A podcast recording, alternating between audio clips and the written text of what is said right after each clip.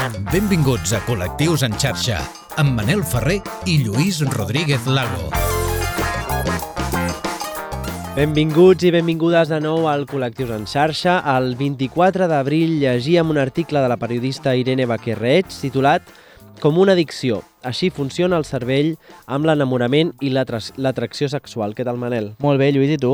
Bé, aquí una mica refredadet, però normalitzem Exacte. això Està a la refredat, ràdio. Eh? Exacte. Sí, sí. Avui al Col·lectius en xarxa comentarem aquest article i sentirem què ens ha de dir un dels uh, seus protagonistes, el neurocientífic David Bueno, a les preguntes que li hem formulat durant aquesta setmana. Exactament, Manel, i potser també ens mullem nosaltres una mica i parlem dels nostres enamoraments. Exacte. A quin preu tot això, eh? Ho farem realment gratis, gratis per als nostres uh, oients, eh? Avui al Col·lectius en xarxa, enamorar-se.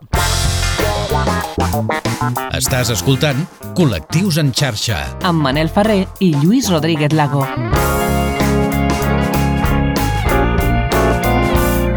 I comencem saludant a tothom Sí. que ens segueix a les xarxes, Oh, a. Instagram, que ens miren a l'Instagram TV, Clar, a YouTube, també, perquè hi ha molta gent que t'espera al, al vídeo per veure'ns. Sí, clar, home. Clar, clar, clar. para a la tele. Ex- Exacte, posa. sempre me'n recordo del teu pare, perquè sempre és veritat que espera sempre uh, l'episodi en vídeo, per tant, gràcies a tots els que ens seguiu també a les ràdios locals, en podcast, a tot arreu I tant, on tant. vulgueu. Per on comencem, Lluís? Va. Comencem per allò que fem a vegades en aquest programa, que és anar a buscar al, al diccionari el significat de la paraula enamorar. I què Mhm. trobem? Doncs mira, en català trobem que enamorar pot ser inspirar amor, Molt pot bé. ser causar un viu plaer de veure o de sentir, quan dius allò de fa un temps que m'enamora, que Val. no és este, Sí, sí. o, o inflamar-se d'amor per algú. Tu havies sentit mai? Inflamar-se d'amor. Em sembla com molt intens, no? Molt intens. I, perquè després hi ha aquell en castellà que és prendar-se, que a mi Vale, m'agrada molt. vale, aquesta sí. Prendarse Prendarse de alguien, no? de alguien, Clar. exacte. Però crec que en castellà, en aquest cas, queda millor. Sí, jo Perquè també inflamar-se jo trobo gairebé com un problema mèdic, gairebé, no? Com una cosa com massa forta, no? No, inflamar-se no. No, queda no massa... digueu. No, no, ho ho digueu. Sé. Bueno, feu el que vulgueu. El no que sé, vulgueu, mi fa una sí, mica sí. de por. Sí. Clar, o sigui, a mi algun dia m'he inflamat d'amor per tu No sé, i jo estic ja. trucant al 112 gairebé. Per tant, que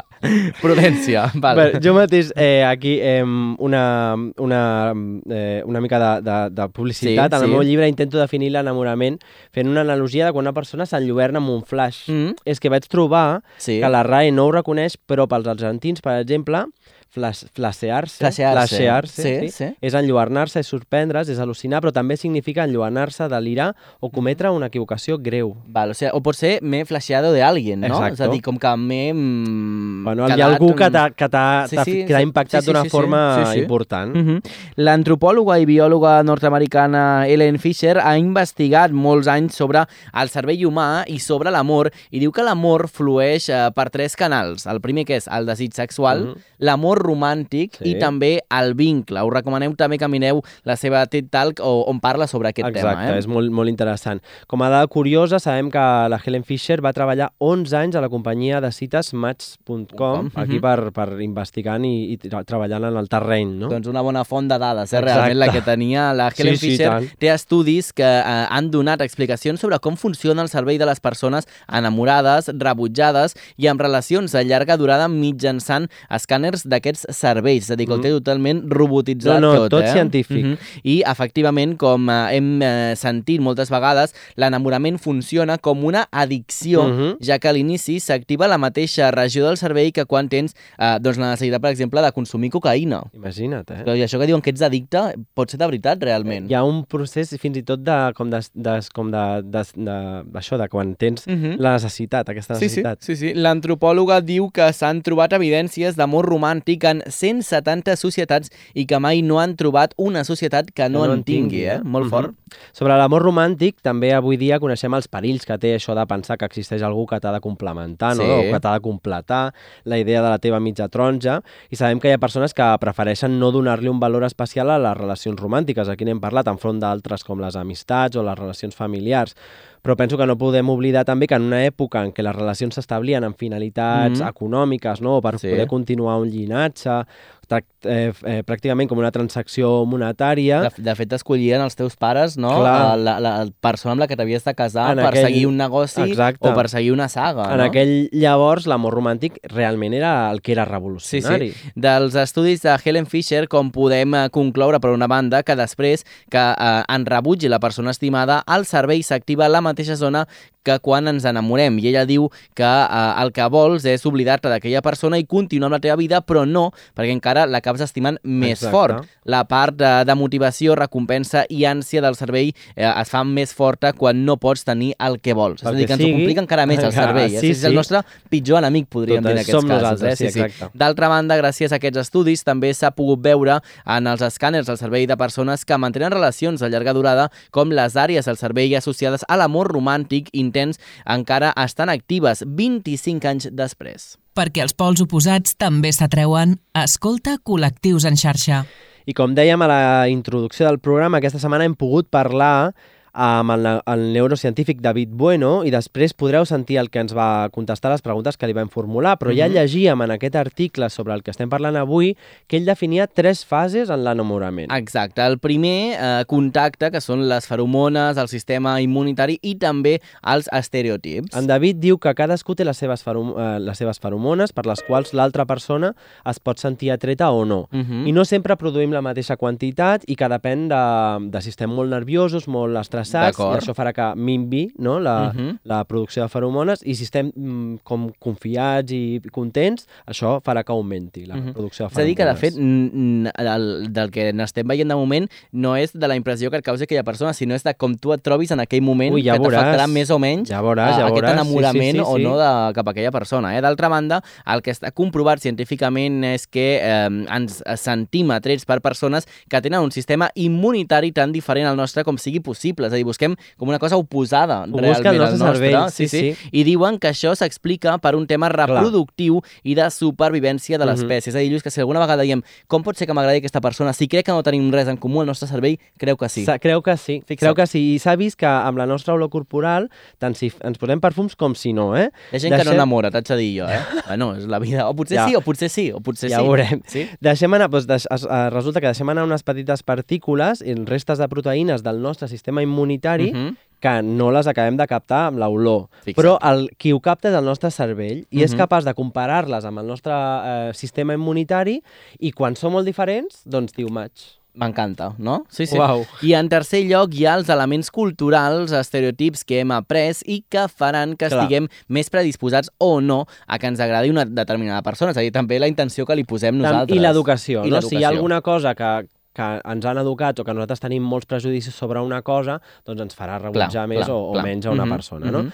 La, se- el segona, la segona fase que descriu en David Bueno és l'enamorament. És aquesta eufòria, però que diu que té data de, de És a caducitat. dir, que no és per sempre, Aquesta no? no, Això, si aquesta el no primer tant. contacte funciona, ens sentirem atrets per la persona i el cervell produirà eh, determinats eh, neurotransmissors, eh, transmissors, Mhm. entre els quals destaquen la dopamina, que activa la motivació i l'energia del cervell, i el cos i la oxitocina, que, que afavoreix també la socialització no? que podem tenir cap a aquella Exacte, persona, l'apropar-nos, exacte. eh, parlar, contactar-hi, no? Això mateix. En David Bueno diu que és l'etapa on no pararies d'estar amb l'altra persona. Mhm, Tu- allò que tu les gairebé- vas reconeixent, aquestes etapes? Sí, sí, sí. sí. Bé, bueno, la primera no, aquesta- no? No, però, no, però aquesta sí. Però potser més a jove, aquesta està, que no t'importa anar cansat el dia Exacte, següent perquè has d'estar les parlant fins del les tantes, Bueno. eh, està potser més distret amb els estudis perquè s'està parlant amb aquella persona, Sí, sí, sí. no? Eh, Exacte. dedicar-li temps que no tens per estar amb aquella persona Això i conèixer-la encara més, doncs no? això és el teu cervell produint eh, aquests neurotransmissors. No, és una Mhm. cosa, no és una cosa que et neix a tu, bueno,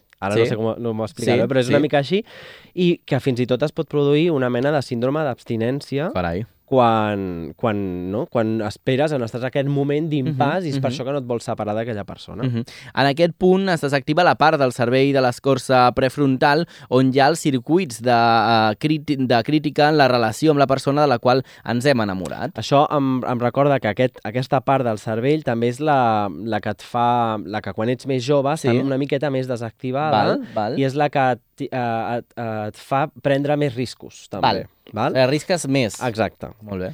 Llavors és en aquell moment en què mm, pot ser que algú et digui que aquella persona no et convé, però tu no fas ni Molt cas, bé. perquè, clar, tens Això ho aquella reconeixem, part... eh, Lluís? També, Això ho sí. reconeixem. Però, però mira, ara li puc, fer, li puc donar la responsabilitat al meu Exacte, al cervell teu que cervell. apaga aquella Total, part. no? total, sí, sí, I ja sí, està. sí. En David ens explica en aquesta fase que no eh, pot durar per sempre perquè és massa esgotadora per al cervell i al cos i científicament es calcula que la durada mitjana és d'entre 2 i 4 anys, no? A, a, a aquesta mm, emoció extrema, és que no, no? Potser no ho podríem sostenir. No, no, clar, clar, clar. O sigui, deus acabar, vaja, esgotadíssim, ho diuen, acabes, tal qual, eh? I la tercera fase que descriu el David Bueno és el vincle, que és l'amor a llarg termini, Exacte, el sí. que ha de durar, no, el Exacte. temps. Si després de passar per aquesta segona fase més activa la cosa segueix funcionant i el vincle i la confiança són prou forts, s'entra en aquesta tercera fase, que és l'amor a llarg Mhm. termini. Per tant, Lluís, amb això es demostra, científicament, perquè ho diu el David Bueno, per Sí, exemple, és que realment, passats els 4 anys de relació, no? entre els 2 i els 4 anys, és quan es decidirà realment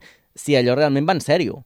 Clar, Perquè, clar, molta gent diu, ¿cuánto tiempo lleváis? Seis Bueno, meses. Ah, jo estoy no, en sèrio. No, cuidado. disculpi, clar, de 2 a 4 anys. de dos a quatre anys. Eh? Clar, és aquella valor. crisi dels tres anys que diuen Clar, a vegades. clar, no sé si clar. existeix això, però jo ho he Sí, sentit. ja t'ho diré. Jo els 4 anys els he passat, espero que ara no Ah. vingui ja la tercera fase aquesta, que ens morim ja tots, potser. Bé, No, no diu que mori, diu que és l'amor a llarg sí, sí, sí, termini. que és l'amor a llarg termini. Sí, Ah. sí. Aquí eh, la crítica que es torna a activar i si no és prou important per Clar. trencar la relació, la cosa eh, doncs, eh, podrà Clar, aquí tirar et endavant. tornes una mica de nou lúcid Clar. i dius, a veure, aquí tinc aquí al davant. Mhm. El baixes, l'aterres una Clar. mica, el fas aterrar una mica. Clar. A mi m'ha passat. Jo això Li dona realisme, també. li dona realisme li dona a aquella realisme. persona. No, exacte.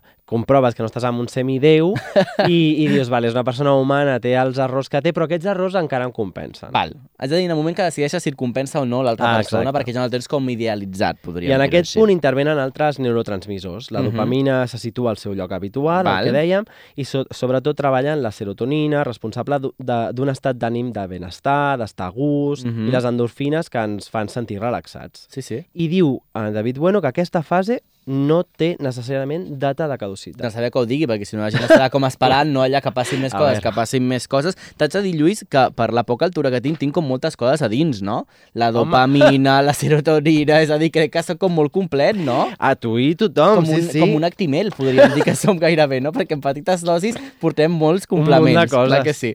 Molt bé, doncs uh, tu, Lluís, uh, creus haver passat per algunes de totes Jo- aquestes fases? jo crec que sí, De jo sempre reconegut, no? Sí, molt reconegut, sí, home. Sí, sí. Tant, totes, eh? La de, la de no poder, la d'estar com amb l'ai al cor perquè m'estava separant No dormir, d'aquella- no? Anar dormir bé, cansat, sí, sí, sí, sí, sí. També el, el, els moments primers i també els moments Sí, últims, eh? Els sí. de no dormir. I aquests de posar la persona en un pedestal, no? que Això és com, també m'ha passat. Sembla que me l'hagin portat a la vida. conversa, Sí. jo, he tingut, jo vaig tenir un, un, una, una persona que era el meu ex, sí. que ell em va dir, ara...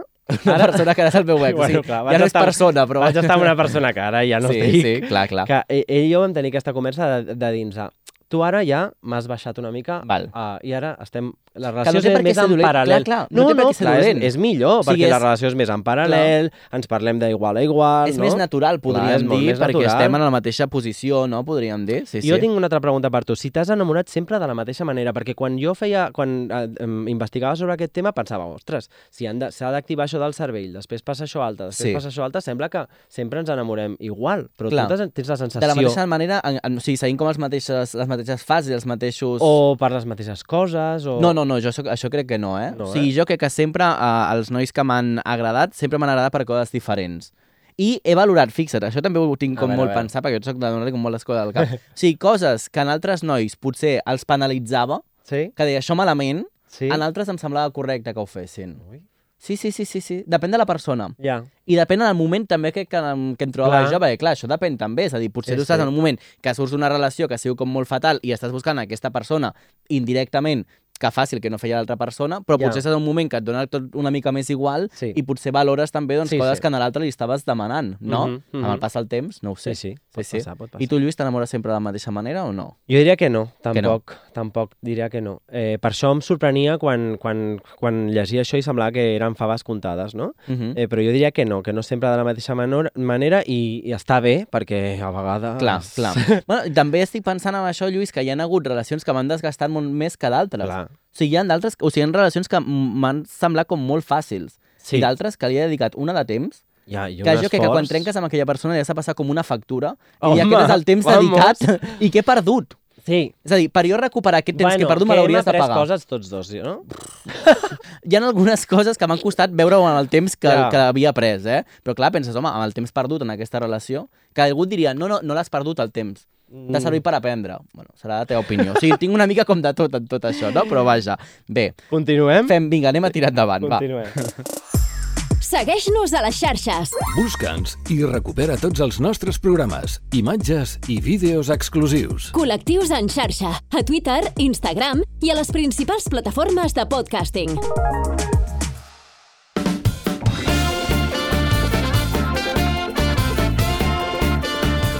I avui tenim la gran sort d'haver pogut entrevistar el professor investigador de genètica de la Universitat de Barcelona i divulgador científic, uh -huh. en David Bueno. Li hem fet algunes preguntes arran de la seva intervenció en aquest article que es va publicar fa uns dies sobre l'enamorament i sobre com funciona el nostre cervell quan estem enamorats i enamorades. Una de les primeres preguntes que li hem fet és que, que aquest procés que fa el nostre cervell quan ens enamorem pot produir-se en diverses persones a la vegada, clar, interessant. perquè dèiem, Sí, sí. ostres, aquell moment, no? aquella Sí, sí, segona sí, sí. fase on hi ha tanta necessitat, que és tan estressant, que hi ha, no? que hi ha tanta dedicació, això pot passar eh, amb dues persones eh, de la mateixa manera? Enamorar-se és un procés biològic on, per descomptat, la cultura també influeix. S'ha vist que ens sentim atrets per persones que eh, emeten un determinat tipus de feromones, d'hormones d'atracció se sexual, i cadascú de nosaltres, doncs, eh, instintivament, intuïtivament, té preferència per un tipus de, de feromones o per uns altres. Aquestes feromones van barrejades, a més a més, amb restes de proteïnes del sistema immunitari. És una cosa curiosíssima.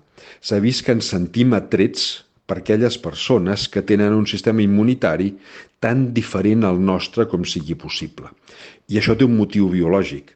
Si d'aquest enamorament en surt un aparellament i d'aquest aparellament neix un descendent, el fet de que els progenitors tinguin sistemes immunitaris tan diferents com sigui possible, implica que aquest descendent tindrà una combinació rica i plural de molècules en el seu sistema immunitari, perquè combinarà les dels dos progenitors. I això li donarà més probabilitats de supervivència davant de possibles malalties infeccioses. L'enamorament té un aspecte biològic importantíssim, també té un aspecte cultural important, ens sentim atrets per aquelles persones que, amb les quals compartim unes estructures culturals eh, bàsiques o de vegades, segons com sigui la personalitat de cadascú, just al contrari. Per persones d'un substracte cultural diferent, per simple ganes de, de cerca de novetats, de buscar novetats, de, de, per, per simple curiositat. Clar, això implica que enamorar-nos, ens podem enamorar de diverses persones a la vegada. Ens podem sentir atrets per diverses persones a la vegada. Ara bé, ara bé, l'enamorament implica unes descàrregues molt importants d'un neurotransmissor, que és la dopamina, que és un neurotransmissor energitzant que, que genera optimisme, que genera motivació i que genera doncs, moltes ganes d'estar actiu en tots els sentits. Estar enamorat de diverses persones implica o haver de repartir aquesta dopamina entre totes aquestes persones perquè la quantitat que en podem produir és limitada eh, o bé que estiguem més enamorats d'una que d'unes altres. Per tant, eh, enamorar-se de diverses persones és perfectament factible, però no amb la mateixa intensitat que segurament seria un sol enamorament i segurament tampoc no amb la mateixa intensitat en totes aquestes persones. Al I- poliamor. Ai, Al poliamor. Des Què del passa ara? Clar. Carregant-nos la, poli, el El poliamor. poliamor. A veure, no, carregant-nos No. no. per què? Per què? Perquè el David Bueno diu que et pots enamorar de dues persones, sí. o de tres, o de quatre, Sí. o de cinc, però que hauràs de repartir. Clar. I a mi el que em sembla més important és que ho has de repartir o, com això no no és una cosa, sinó és 50%, 50%. No, a més, a no, més no. qui ho decideix? Clar, clar, això no ho decideixes tu, no, No, decideix bueno. el teu cervell gairebé. Imagina't. No, el teu cervell et diu uh, t'agraden aquestes dues persones, però potser aquesta persona t'està agradant 20, el 80. 20% i l'altre Cuidao. 80%. Això com ho expliques? Com ho expliques? Com ho expliques, aquí- això, realment? Sí, sí. I atenció, m'ha agradat una cosa que ha explicat també al principi d'aquest primer tall, el David, que clar, ja no, és que ja estem pensant, de, m'agrada aquest noi perquè és alt amb els ulls foscos, Mm -mm. no, no, és que gairebé t'està enamorant d'aquella persona per la seva genètica perquè us surti un fill preciós en quant a genètica i tingui un sistema immunològic ric i sa. Exacte. O sigui, ja estem pensant en Cuidao. coses, clar, o sigui, ja quan lliguem per Tinder no hauríem de posar rossos, no, no. El volem amb un sistema immunològic, no?, que sigui Diferent, la gent, no? una sí, analítica sí, sí, sí. algo. Per tant, poliamor és possible, sí, Sí, però, però que, tu no que no pots, t'enganyin. No, no, tu no pots controlar No, no, no. en quines quantitats.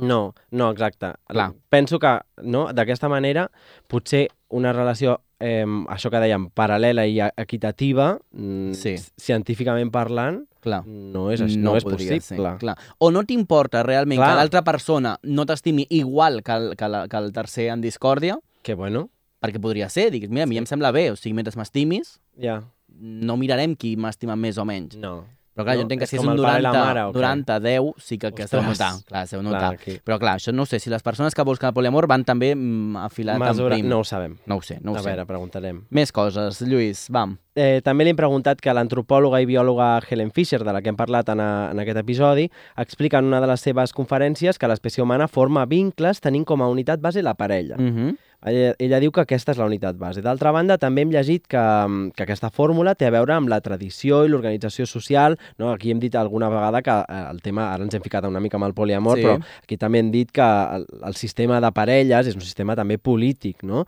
I que per tant té més de, de social Clar, que de presocial, clar, no? clar. No, és, no és una predispos predisposició genètica, no? I li hem preguntat què pensava i si és possible que la nostra, si la so- nostra societat canvia, també pu eh, ho pugui fer el nostre cervell i el nombre de components habituals Ah. en una relació.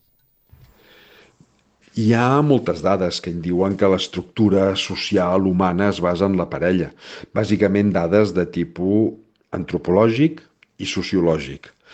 Antropològic, eh, les, les cries humanes, els nostres descendents, neixen extremadament desvalguts comparats amb qualsevol altre animal i necessiten d'unes cures intenses i intensives durant molt de temps, no només durant el període d'allatament, sinó pràcticament fins que arriben a la preadolescència, eh, cal eh, estar al cas i cal protegir-los, i una parella es pot repartir més aquesta tasca que no pas una, una persona sola, com, com passa amb altres espècies animals, que només se n'en cuiden les, les mares.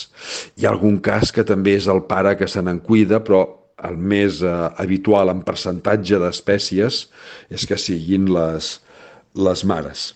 Clar, ha sorgit doncs, tota una nova manera de veure doncs, les relacions socials, les relacions de parella i, i també la, la paternitat. Clar, això és possible que canvi el cervell? Home, segur que sí, però no el canviarà d'una manera evolutiva. No és que canvi i els nostres descendents ja neixin amb un cervell lleugerament diferent. L'evolució és molt més lenta. El que sí que canvia és el cervell de cadascú a través dels aprenentatges que fem, a través de les experiències que tenim i a través d'allò que veiem en el nostre entorn. Per tant, veure altres tipus de famílies, altres tipus de relacions humanes, doncs fa que també el nostre cervell canvi mm, per adaptar-s'hi, per acostumar-s'hi i per integrar-ho també, per què no, dins la seva pròpia es estructura. També, també cal dir que la societat actual no és com la societat paleolítica, que és on es va desenvolupar la nostra espècie. Una societat paleolítica on, on hi havia més amenaces de l'entorn, més feres, per dir-ho d'alguna manera, que se't podien menjar, aquesta estructura social era bàsica. Ara tenim una estructura social diferent, molt més basada en un recolzament social molt més ampli, amb una sanitat molt més àmplia, amb una educació molt més àmplia i amb uns ajuts molt més amplis que permeten, que permeten aquests altres tipus de- d'estructures familiars i també, per extensió, d'estructures so socials. I el nostre cervell s'adapta i s'hi acostuma. Però repeteixo, no és una evolució. No és que els nostres descendents neixin ja amb el cervell diferent. Ells també hauran de viure-ho i també n'ap- n'aprendran, com, com nosaltres, i segurament ho aprendran millor perquè naixeran amb un cervell més plàstic i, ma i maleable, perquè durant la infantesa és quan el cervell és més plàstic i maleable i ells ja ho, ja ho viuran durant la infantesa, mentre que molts de nosaltres hem vist aquests canvis ja d'adults. També li hem dit que hi ha persones que diuen que per enamorar-se d'algú l'han de poder admirar, d'altres asseguren que mai s'han enamorat, de la, enamorat de la mateixa manera, no? I és la pregunta que ens fèiem mm. nosaltres abans, no? Quan llegíem això eh, pensava que tot eren faves comptades. Llavors, és possible enamorar-se de maneres diferents? Cada enamorament és igual, i cada enamorament és diferent. Ja sé que amb això no acabo de contestar bé a la pregunta aquesta de que um, totes les vegades que, que ens enamorem ha estat per alguna cosa diferent o si tenia aquesta sensació és una il·lusió. A veure, l'enamorament depèn de molts factors. Depèn de factors biològics, i cada persona som biològicament diferents, per tant, cada enamorament que puguem tenir serà lleugerament diferent perquè l'altra persona és una entitat biològica diferent a les anteriors que hàgim eh, conegut.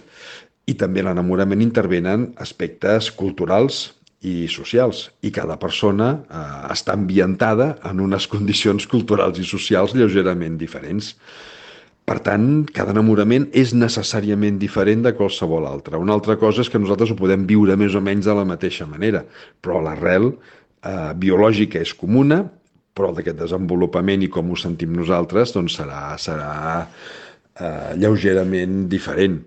També hi ha persones que diuen que per enamorar-se d'algú l'han de poder ad admirar, però no tothom admira la persona fruit del seu enamorament. El que sí està clar és que t'has de, de sentir atret per algunes característiques biològiques, culturals o de personalitat i per descomptat l'ideal és sentir-te atret per totes elles. També li dèiem no, si la tecnologia o les aplicacions per lligar poden modificar la, la manera mm. que té el cervell d'enamorar-se d'algú o només estem canviant la forma d'establir i de crear relacions entre nosaltres? La tecnologia, aquestes aplicacions que hi ha per conèixer persones, per establir contactes o per lligar, com s'acostuma a dir eh, de manera pu popular, eh, fan que la manera que tinguem d'entrar en contacte amb altres persones sigui diferent. I per tant, aquest desencadenament de l'enamorament inicial també pot ser diferent a través de la tecnologia digital no percebem molts aspectes de la biologia de l'altra persona, no percebem les seves feromones, no percebem cap d'aquests aspectes que són purament biològics i que són importants en l'enamorament. Per tant, aquest inici d'enamorament és clarament diferent. Ens enamorem per allò que veiem. I aquí també hi ha un risc, perquè a través de la tecnologia digital mostrem allò que volem mostrar, no la nostra complet, com, eh, integritat com, completa. Clar que quan, quan lleguem presencialment també a vegades fingim una mica ser allò que no acabem de ser justament per atraure més l'altra persona, però a poc a poc es va desvetllant tot. A través de la tecnologia digital et pots enamorar, però després cal el contacte personal, que és el que acaba d'establir realment eh, aquest enamorament i acaba de, de consolidar-lo. I per últim li dèiem que sabem que cada persona expressa hormones o neurotransmissors com la dopamina, la serotonina, a nivells diferents i hem llegit que l'expressió en major o menor mesura d'aquestes hormones o neurotransmissors poden acabar definint la pròpia personalitat. I li dèiem, la saviesa popular ens sí. diu que els pols oposats s'atreuen, aquí ho diem molt, sí. i si és això veritat. Cada persona té una combinatòria diferent d'hormones i de neurotransmissors, com la serotonina, la dopamina, les endorfines, l'oxitocina, la testosterona... Tot això són hormones que són importants per l'atracció de, de l'enamorament, no? Um, es diu que la saviesa popular, vaja, diu que els pols oposats s'atrauen. No sempre és així. Hi ha persones que sí, hi ha persones que sí, que justament els atrau la diferència perquè els estimula la curiositat i hi ha persones, segons el seu caràcter, que el que els atrau és uh, una altra persona que sigui tan semblant amb ells com sigui possible perquè això els proporciona, els proporciona més seguretat i més confiança. El que està clar és que no hi ha una manera millor que una altra d'enamorar-se i que cadascú ha de descobrir la seva manera de sentir enamorament, d'enamorar-se i de viure aquest en, en, enamorament. Doncs moltes gràcies al David Bueno Hem per après aquesta moltíssim, eh? masterclass de neurociència i, Uh -huh. i enamorament. Sí, sí. I fixa't si estem eh, pastelosos, podríem dir d'alguna sí. manera, estem flasheados, que la setmana que ve us portarem un episodi de lligar en català. Mare meva, És a dir, que ve tot, enamorar-se, enamorar-se, lligar. en català, ve tot lligat, ve tot lligat, no?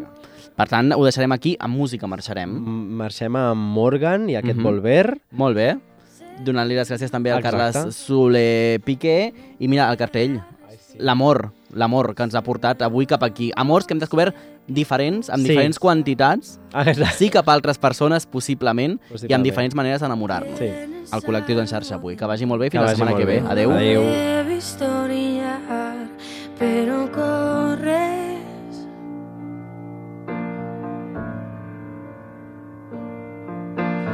Échame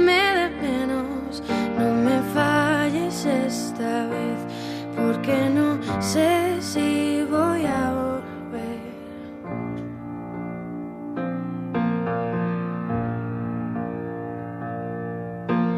Ya no dices nada y tengo ganas de gritar sin querer.